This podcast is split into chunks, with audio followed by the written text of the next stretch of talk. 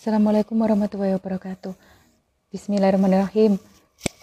Iya ya, teman-teman, saya mau mau membahas, mau bercerita tentang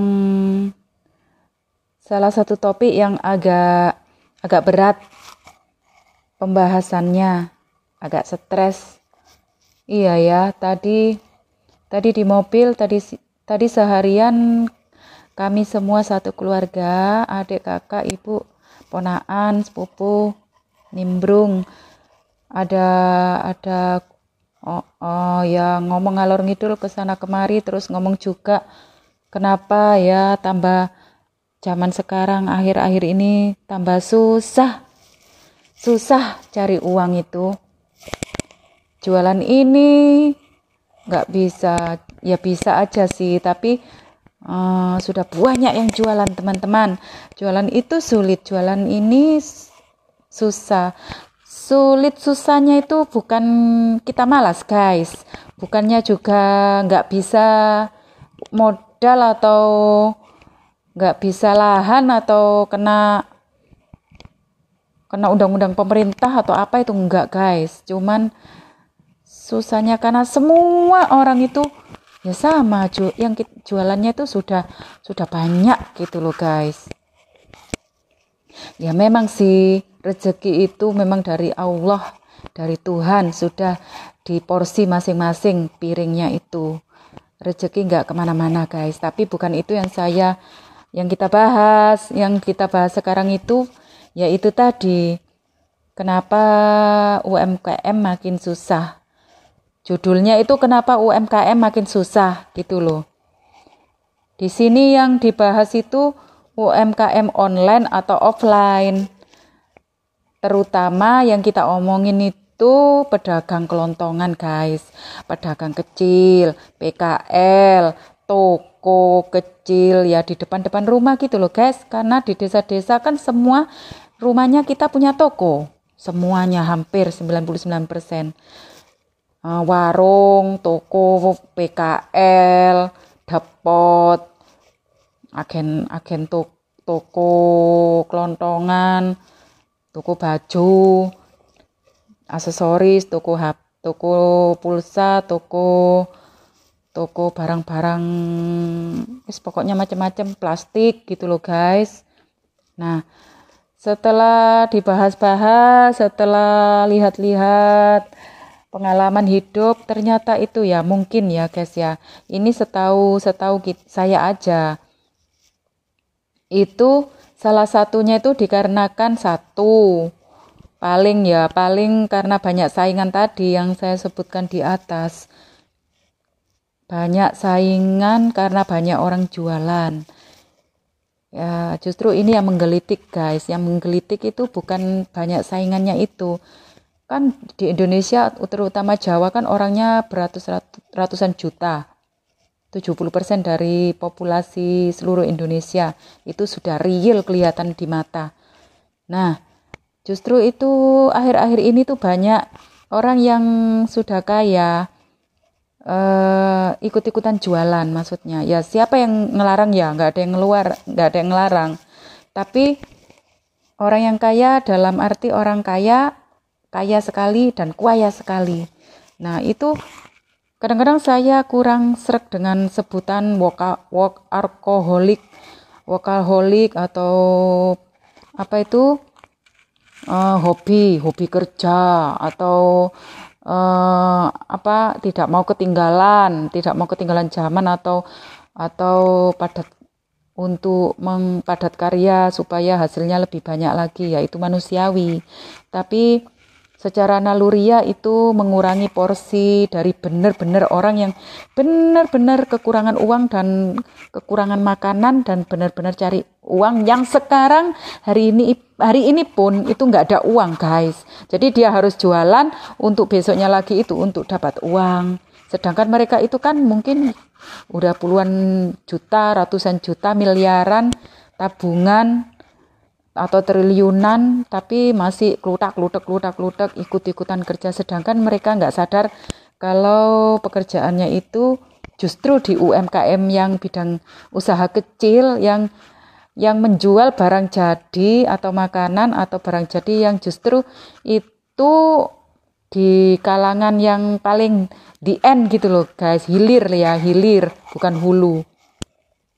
Hilir dan uh, otomatis misalnya dari 100 per 1000 orang jualan 100 barang itu jadi tambah jadi kan 120 biji barang.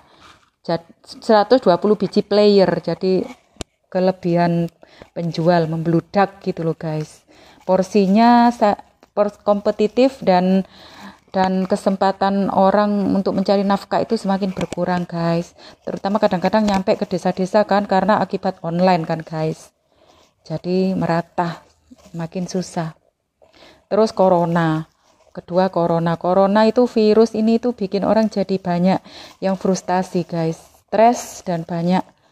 Sehingga otomatis banyak aturan supaya orang hidup supaya tinggal di rumah tinggal di rumah atau tinggal di daerah. Hal nah itu produktivitas kan terganggu teman-teman. Karena corona juga banyak pengangguran yang mereka dipecat-pecat itu dari pabrik, dari perusahaan dan lain-lain sehingga mereka itu banting setir jadi pedagang juga jualan-jualan barang dan Pokoknya jualan barang dan jasa non formal juga sehingga saingan kan makin banyak teman. Teman-teman. Terus aku tanya ke teman itu dikarenakan juga yang ketiga itu dolar vs rupiah di mana rupiah itu adalah mata uang yang terlemah wes dibandingkan negara-negara di dunia. Mungkin nomor berapa gitu loh guys? Kalah sama sama Nigeria gitu aja rupiah kalah guys. Embu sama negara mana yang menang rupiah itu guys? Alias rupiah itu nggak ada artinya value nilai maksudnya guys. Kalau uangnya ada artinya dibuang di jalan ya banyak yang mau saya juga mau saya maju saya juga mau teman-teman. Terus itu selanjutnya barang impor. Banyak masuk ke Indonesia, terutama barang semi jadi dan barang jadi. Dan barang-barang tersebut lebih murah dari buatan lokal Indonesia.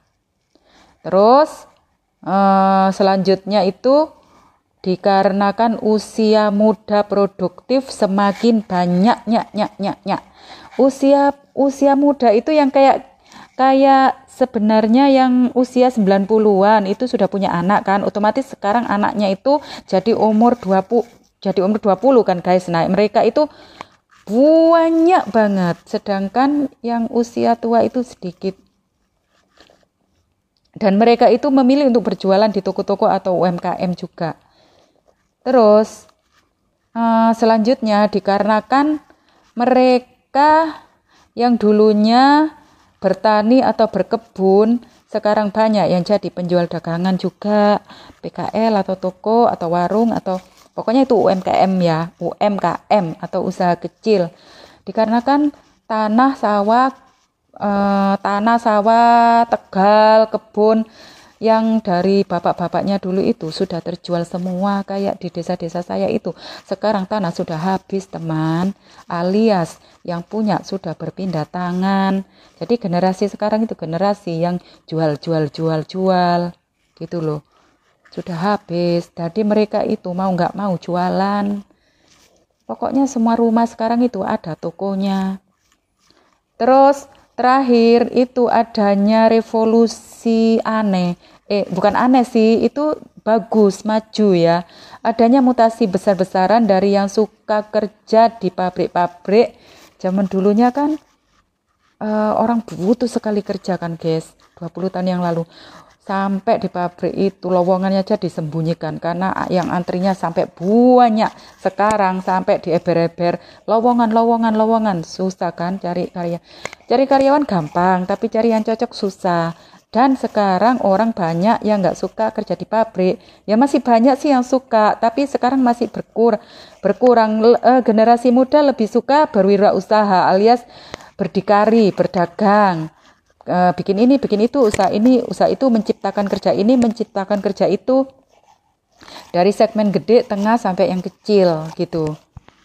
Nah, sedangkan sedangkan guys, yang tadi kan yang nggak suka kerja di pabrik berkur, yang suka kerja di pabrik berkurang dan beralih ke wira swasta. Sedangkan pabriknya sendiri banyak yang mengurangi burunya atau mengecilkan, mengecilkan range-nya. Yang dulu pabrik gede, sekarang mengecil, mengerut, mengerut, mengerut banyak juga yang sudah banyak juga sih yang masih gede, tapi banyak yang sudah mengecilkan, merampingkan usahanya dan kebanyakan big boss big boss itu beralih usaha ke restoran, resort, hotel atau toko ekspor impor dan lain-lain gitu. Akuisisi mungkin beli tanah untuk dijadikan ruko, gudang, rumah atau bikin workshop, resort, hotel dan lain-lain gitu, guys.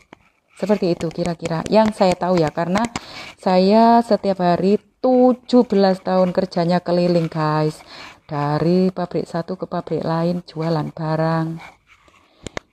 Uh, dan kerja dari kuliah jadi sudah tahu tetek bengeknya perbuedaannya rasanya kelihatan mata dan dirasanya dan benar-benar yang pernah saya alami itu juga karena semua keluarga besar saya juga toko toko tulen, toko tani, dagang, dan tambak gitu. Uh, ada sebagian kecil yang punya pabrik juga, pabrik plastik. Ya itu tadi guys, uh, cerita saya, tolong dicerna.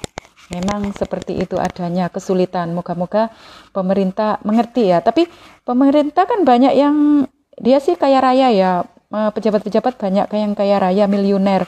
Tapi kan mereka agak-agak ada yang ngerti, ada yang nggak ngerti gitu ya. Mudah-mudahan dengan artikel ini beliau-beliau yang di atas lebih mengerti guys, lebih mengerti kelihatannya, kelihatannya kita sudah maju, maju tapi rentan. Yang maju yang maju negaranya maju banget, nget, maju sekali. Di, diimbangi dengan kemajuan itu ada tangisan-tangisan, kesusahan-kesusahan, uh, kesusahan lebih susahnya cari uang sekarang guys daripada dulu. Kelihatan terpampang nyata. Wassalamualaikum warahmatullahi wabarakatuh teman-teman.